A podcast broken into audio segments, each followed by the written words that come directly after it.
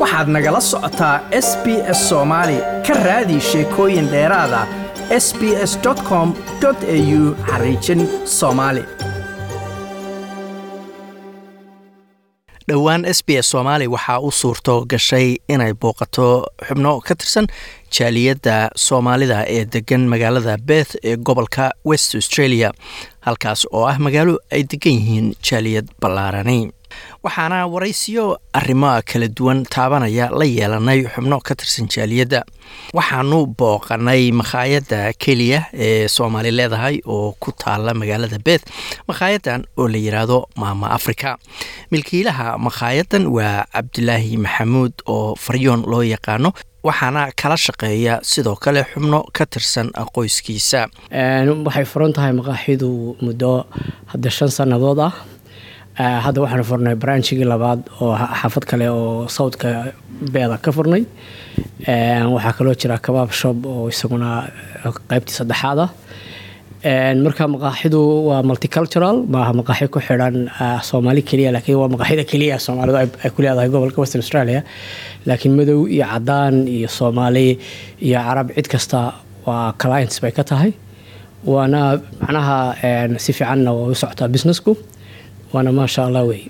Waa gartay covid nneteen-ki labada sano iyo barka wadanka ka socday sidee kuu saameeyey businessan wallahi si weyn buu noo saameeyey because waxa weeye clientsku waxay noqotay all deliveries. Mararka qaarkood way xidhmaysaa waxayna koosgaraynaysaa in qofku maaragtay meeshuu ka iman lahaa uu ka boqo maqaxiba inuu tago oo is leeyahay arbaad meesha ka soo qaadaa marka si weyn bay noo saameysay laakiin alxamdulilah waa ku maaragtay waanu waxaanu sameynaynay take away ama waxa loo yaqaano deliverieska baanu ka shaqeynanay si ay markaa shaqadii u sii socoto. Marka de alxamdulilah aad bay aad bay noo saameysay laakiin waa maasha allah waa ka guuleysanay maaragtay baalkii. Waa ganacsiyada maamulada gobollada ama kuwa federaalku taageero iyo waxbay siin jireen businessyada iyo marka gargaar noocaasa dowladda iyo maka hesheen wallaahi ni waanu maqlaynay dad baa wax la siiyaa laakiin horta anagu waxba saas oo business waanu ka helay.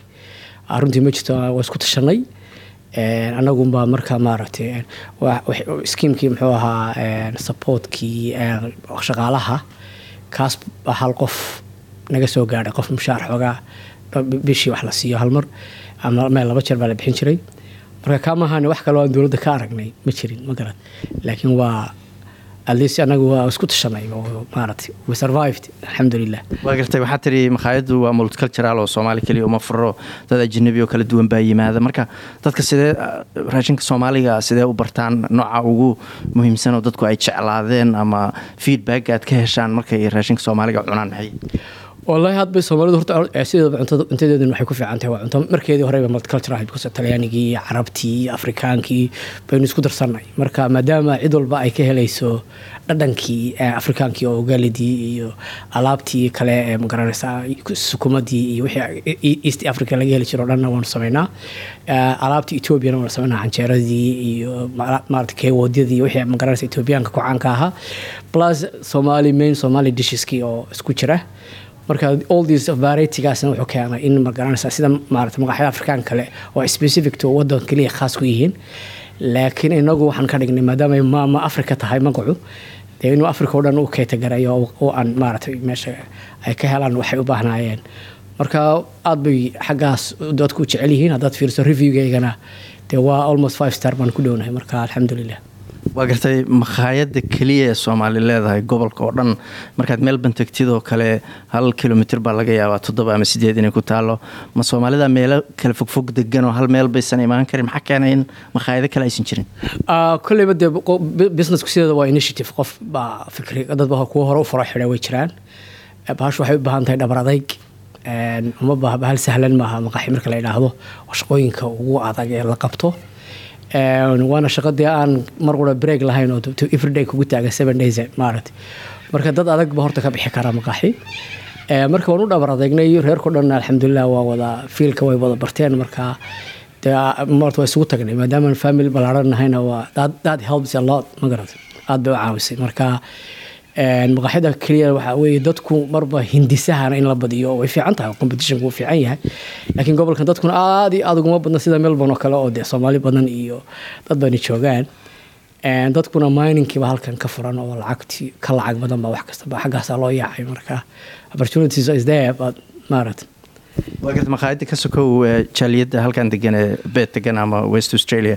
Maxaad ku tilmaami lahayd maxay ku fiican yihiin maxaa laydinku ammaani karaa maxaa laydinku dhaliili karaa? Maxaad uga duwantihin jaaliyadaha kale melbourne iyo sydney iyo brisbane iyo degan horta waxaan u malaynayaaba marka loo eego waxtarka xagga soomaaliya iyo dadka soomaalida waxaan ubanahan ba aaminsanahay jaaliyadda ugu waxtarka badan.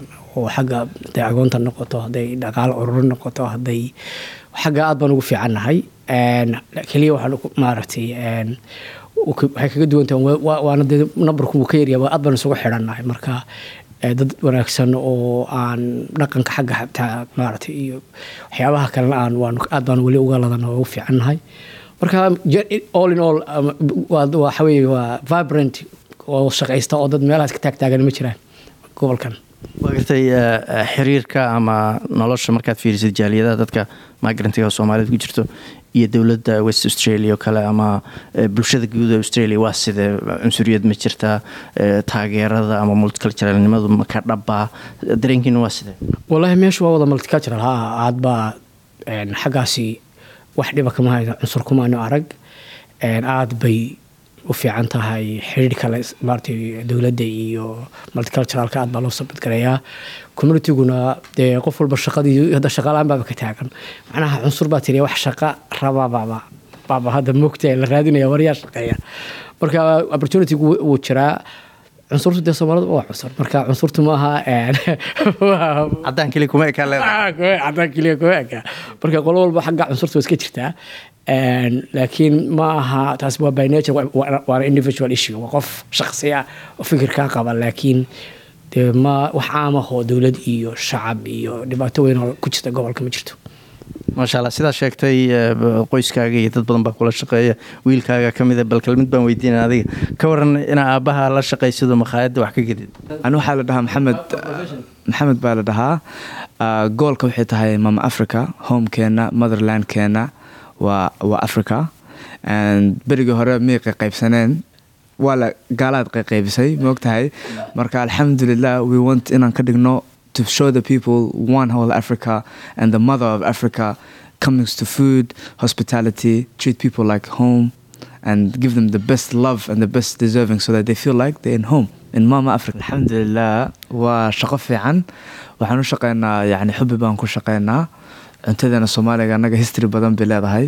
Ilaa maxay ahayde tang dynasty baan la sameyn jirnay trade. Oo dadba afrikaanka dhan berigii hore diyaarad ma jirin moogtahay wax soomaaliya soo mari jireen ma garanaysaa marka cuntadeena waa cunto diverse waxaan haysanaa sambuusadii hindida waxaan haysanaa chapati waxaan haysanaa bariiskii lam shankskii wax walba oo dee ma garanaysaa oo fiican. Oo cuntada marka dadkan tusnaa dadkana waxay dhahaan yes you're right you're diverse. Waxay haysatiin basto colonized by the Italians, Portuguese, the French. So we have a lot of alhamdulillah good mix. Cuntadeena waa cajiib dadkana ma garanayaan. So we advise more people to restaurant there Somali inay furaan. kaasina waxa uu ahaa maxamed cabdilaahi maxamuud oo ah wiilka uu dhalay milkiilaha makhaayadda maama africa oo aanu ku booqanay makhaayadaasi like as la wadaag wax ka dheh lana soco barta facebooka ee sb s soomaali